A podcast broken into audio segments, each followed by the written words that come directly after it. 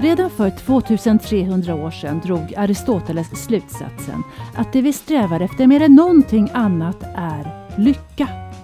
Och i vår strävan efter lycka så värderar vi hälsa, pengar, makt och skönhet utifrån hur det kan göra oss just lyckliga.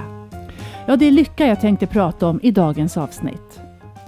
Välkomna till Mind My Business, podden om välmående och balans i vardagen. Jag heter Ulrika Danneryd Gustafsson och jag arbetar som coach och föreläsare i just vardagen. De flesta av oss vill ju vara lyckliga och vi letar efter lycka på alla möjliga ställen genom att nå en högre inkomst, få mer pengar, en mer prestigefylld karriär kanske eller bo nära naturen, en skinande bil, en ny mobil.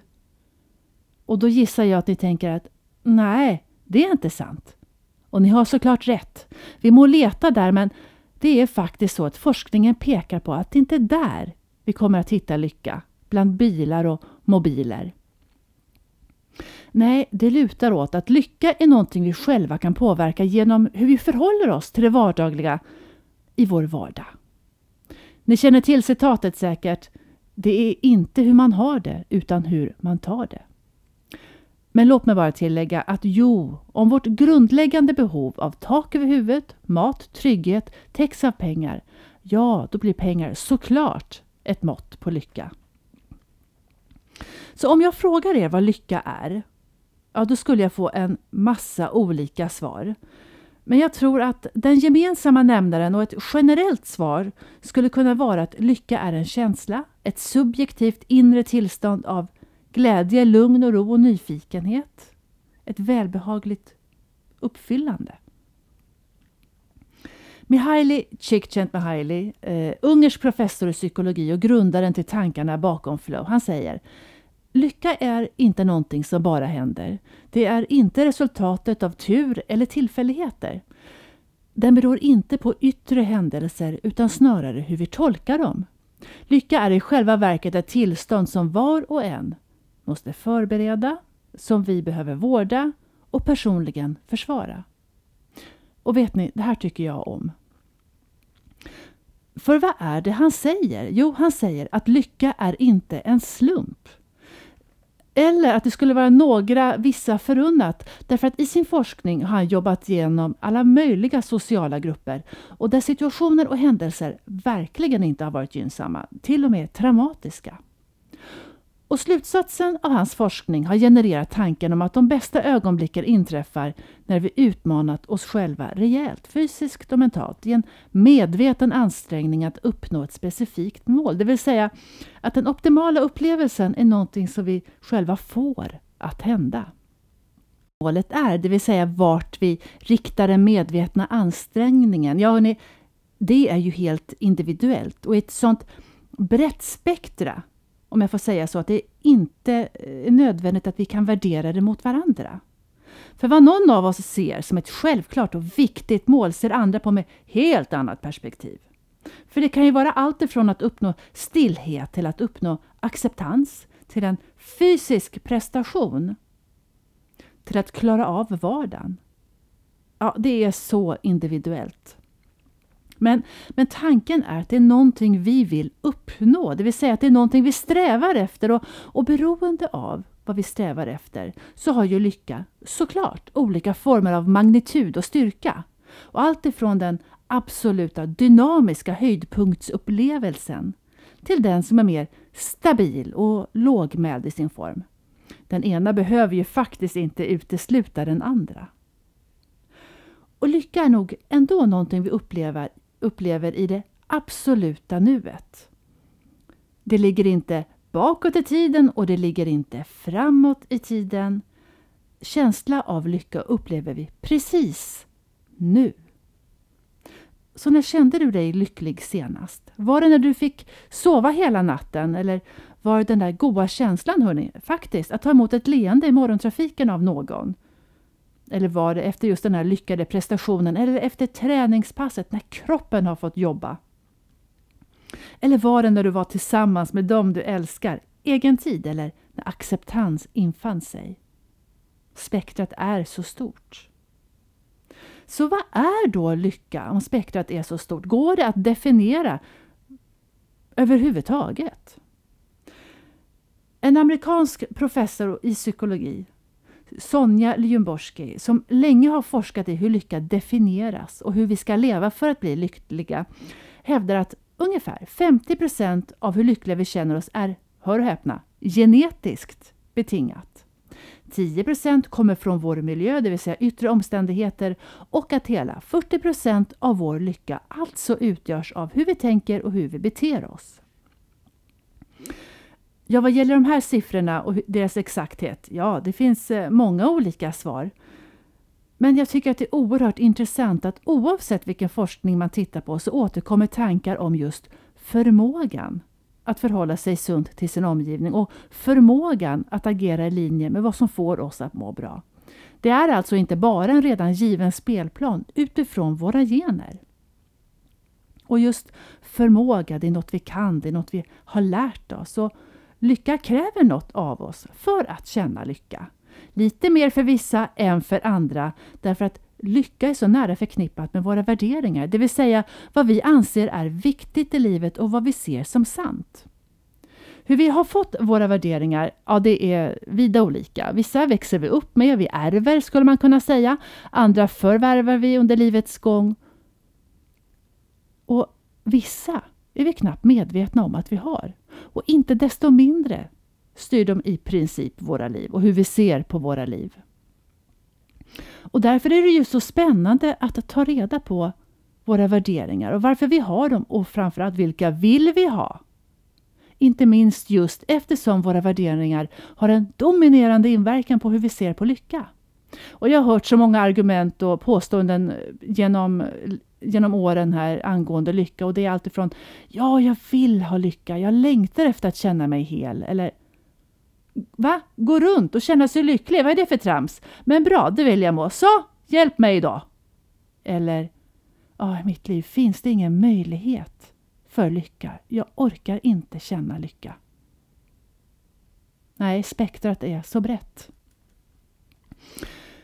Lycka, lite som den definieras kanske då av forskningen, så då brukar man prata om två komponenter. En kognitiv komponent, det vill säga hur du ser på livet, hur tillfreds du är med din, eh, med din tillvaro och om du känner att du är på rätt väg i livet.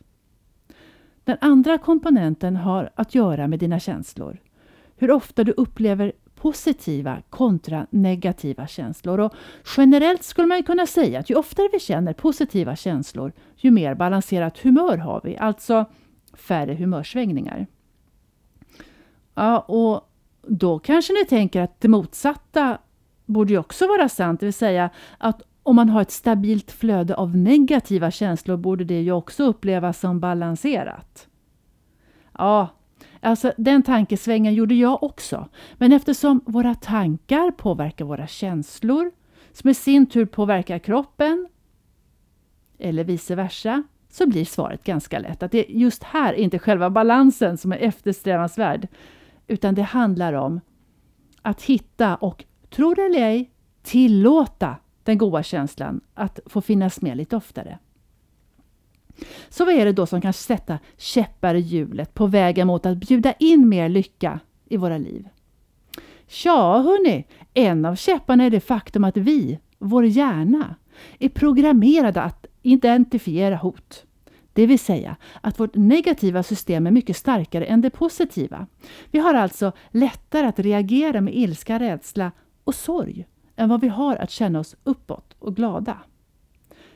Inte så konstigt egentligen om man tänker på det, därför att den av våra förfäder i grottorna som framgångsrikt upptäckte hot, kunde hantera det, ah, levde alltså ett längre liv än den som inte gjorde det. Och på så sätt så utvecklades den mänskliga hjärnan i, ett lätt, i att lättare och, och snabbare reagera på det negativa.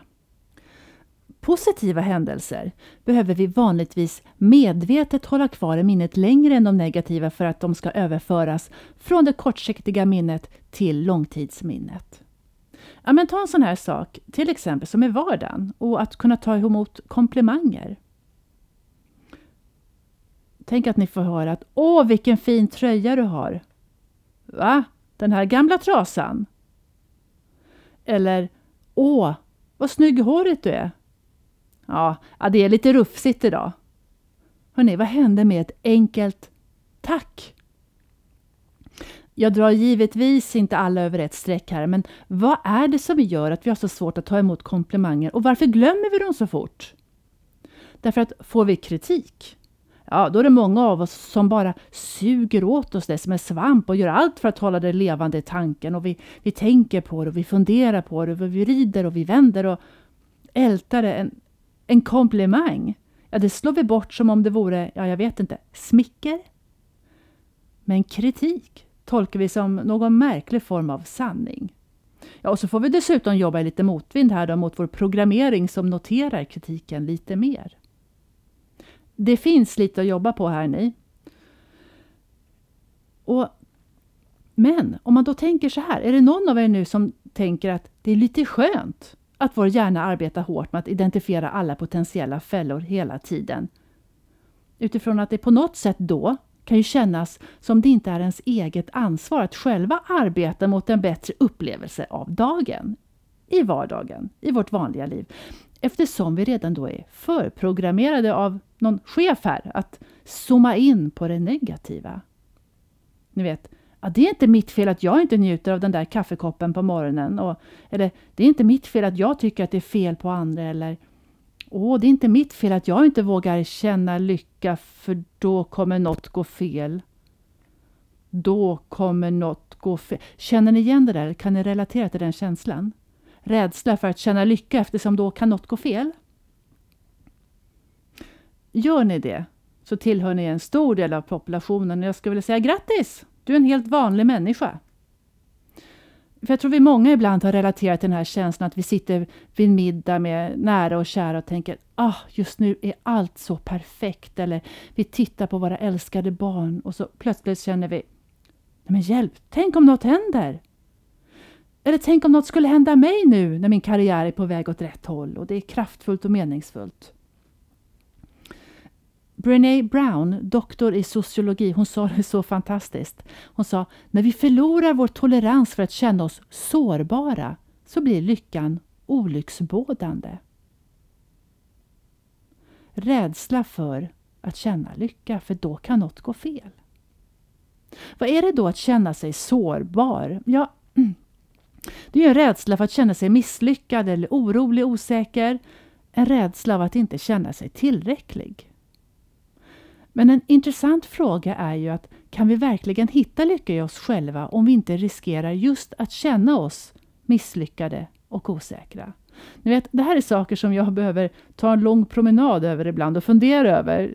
För att jag tycker att informationen är så stor att sinnet inte har tillräcklig kapacitet för att ta emot det. Men vad handlar det här om i sin essens? Ja, det handlar om att ge sig hän och riska att det går åt pipsvängen.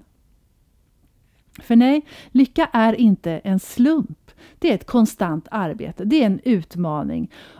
Och utan att våga erkänna att vi riskerar just skam, skuld, oro och rädsla så släpper vi inte heller på flödet till lycka. Jag tror att mycket handlar om att släppa alla krav på vad vi har fått för oss att ett lyckligt liv är. Därför att det är i de små sakerna i vardagen, varje dag, här och nu, vi har de bästa och framförallt de flesta möjligheterna att känna lycka. Om man frågar människor som varit med om ett trauma får man nästan alltid höra att det är de vanligaste och vardagligaste saker de saknar och en önskan att vi som nu inte har förlorat det är medvetna om att vi har det och att vi uppskattar det.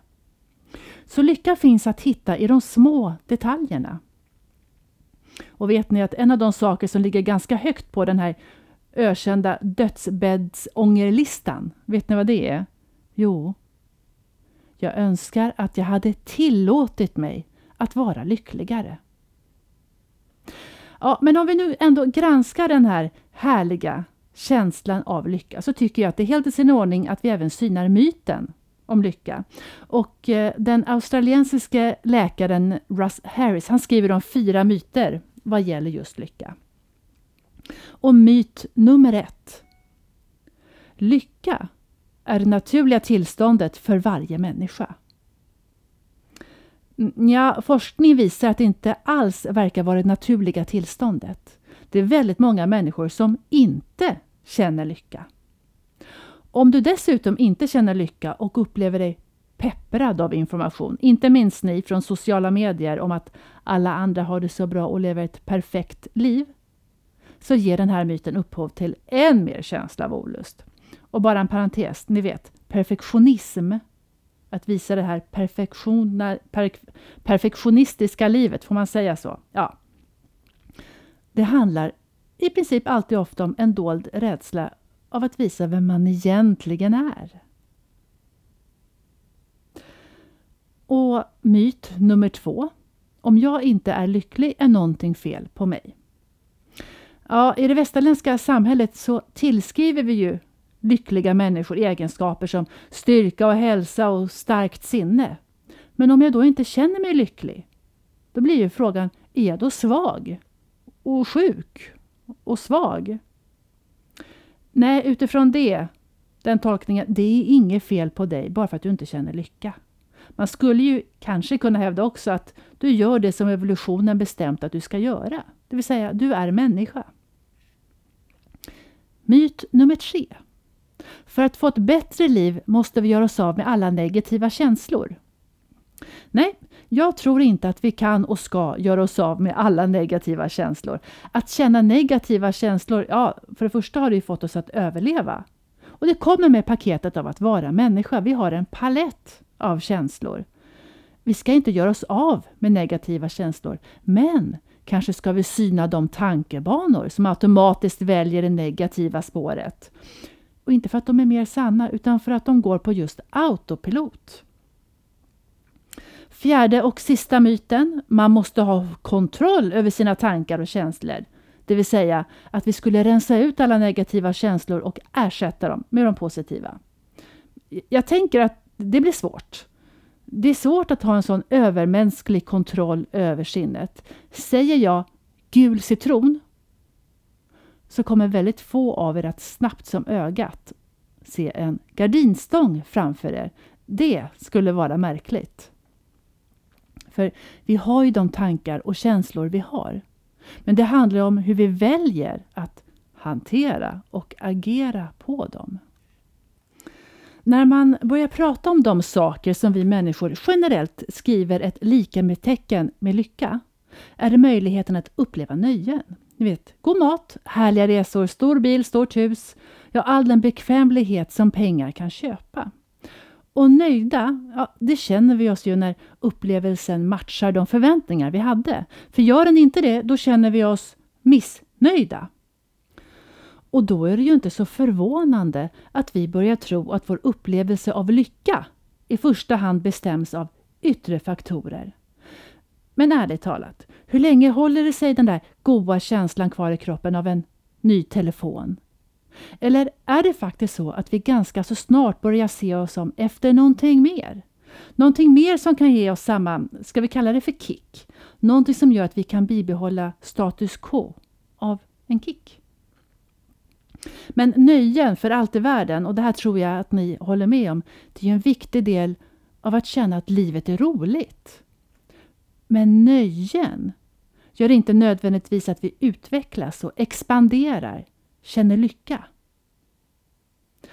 Om vi istället reflekterar över vad det är som gör att vi känner att vi utvecklas och expanderar eller gör livet värt att leva.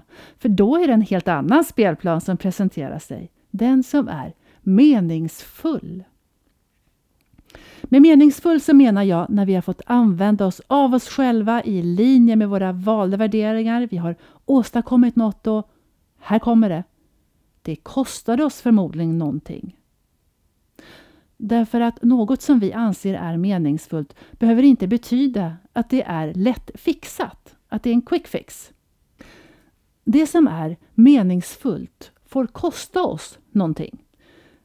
Energi, fokus, prioritet, svett, tuffa val. Det som är meningsfullt gör att vi tar det där obehagliga samtalet.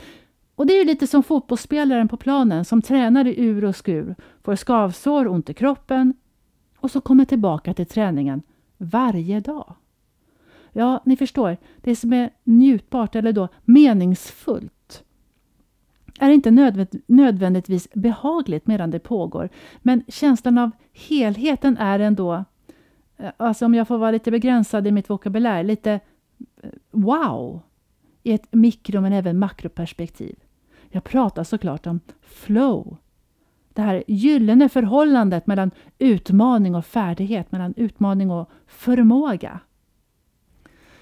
Ja, flow. Jag, jag, tycker att det är en härlig form av lycka. Och jag tycker att den är härlig just för att det är någonting vi kan påverka. Vi tar tillbaka makten. Ja, nu är det verkliga livet inte så lätt som det finns risk av att det låter här. För bara en sån sak att ta tillbaka makten gör att vi behöver kunskap om oss själva. Vi behöver känna igen våra mönster. Varför reagerar vi som vi gör? Att ta tillbaka makten handlar i stort om att kunna välja att agera istället för att reagera. Det vill säga välja hur vi ska hantera och ta hand om, hur vi ska omsätta de känslor och tankar vi har.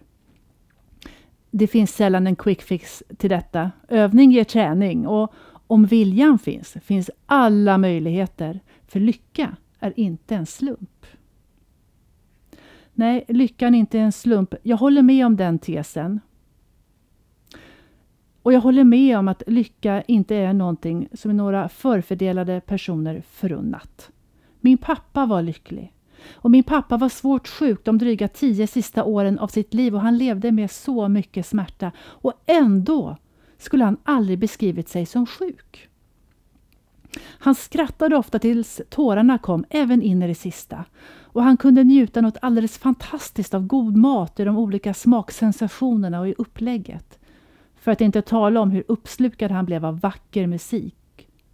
Ja, då var tårarna där igen. Och han älskade sina barnbarn och refererade till dem som meningen med livet. Och han hade diverse olika äh, klippkort till Stockholms sjukhus. Min pappa valde att se på livet från den ljusa sidan. Det var ett aktivt val. Han tog ett eget ansvar så långt det bara gick att mjölka ut det bästa ur livet. Ett liv som kan tyckas ha varit så orättvist.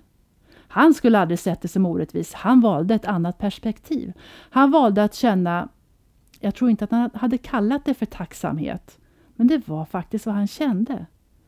Min pappa hade en enastående förmåga att ta ut lyckan, till och med i förskott.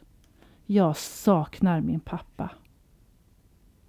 Så avslutningsvis, hur kan vi underlätta för oss själva att bjuda in mer lycka i livet och kanske till och med, hörni, ta ut lyckan i förskott? Ja, det finns inga svar, men här kommer tre förslag. 1. Gör ett val. Välj att uppleva lycka.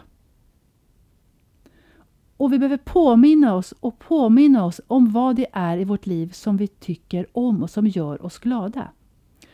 Det kan kosta oss att göra ett val, förvisso. Vi behöver syna våra värderingar, men det är ju otroligt spännande. 2. Tacksamhet. Öva och jobba på att känna tacksamhet. Lyckan finns inte bara i det extraordinära. Det finns till största delen i de små tingen och i de vardagligaste av händelser. Lyckan känns i kroppen. Och så slutligen nummer tre, sårbarhet. Acceptans i att våga vara sårbar, ja, är vägen till att våga känna lycka. Ja, men så då. Hem och jobba med oss helt enkelt. I nästa avsnitt så pratar jag om flow i görande och då är ni varmt välkomna att lyssna. Tills dess, ha det så bra. Hej!